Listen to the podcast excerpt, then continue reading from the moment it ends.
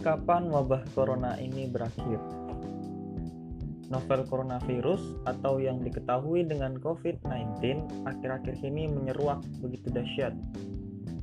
Bukan hanya menjadi pandemik, COVID-19 juga menjadi isu skala global yang terus dibahas berkaitan dengan kondisi ekonomi, sosial politik, kesehatan, hingga ancaman pendidikan.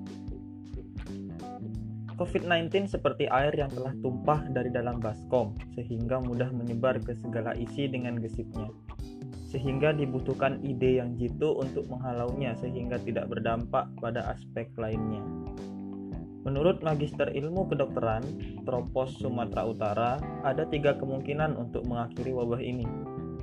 Yang pertama, vaksinasi Vaksin ini bekerja dengan memberikan imunitas atau kekebalan sehingga individu tidak menjadi sakit ketika mereka terpapar oleh infeksi. Namun sangat disayangkan, dalam pembuatan vaksin ini memerlukan waktu yang cukup lama, sekitar 12 sampai 18 bulan, dan belum tentu bisa dikatakan vaksin yang efektif.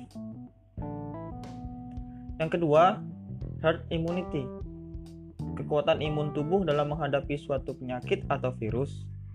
Yang perlu kita pahamkan di sini, virus menyebar bebas dari orang yang terinfeksi ke rentan ketika tidak ada yang diimunitasi.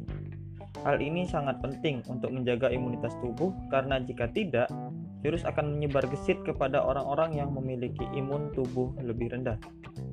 Penyebaran virus akan terbatasi jika masyarakat memiliki kekebalan atau terimunitas sehingga penyebaran ke individu yang rentan pun menjadi terhambat.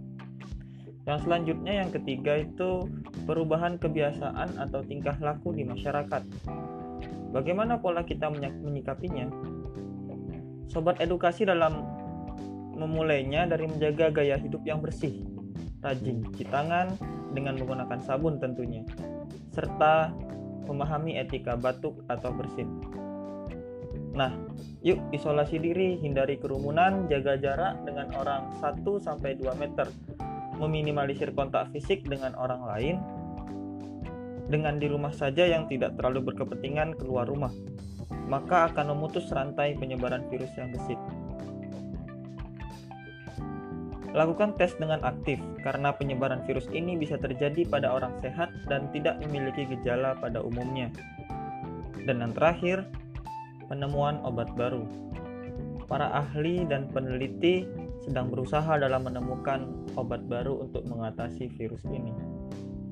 Nah, untuk itu, yuk di rumah aja supaya wabah corona ini segera berakhir dan setiap orang dapat melakukan aktivitasnya kembali. Dah.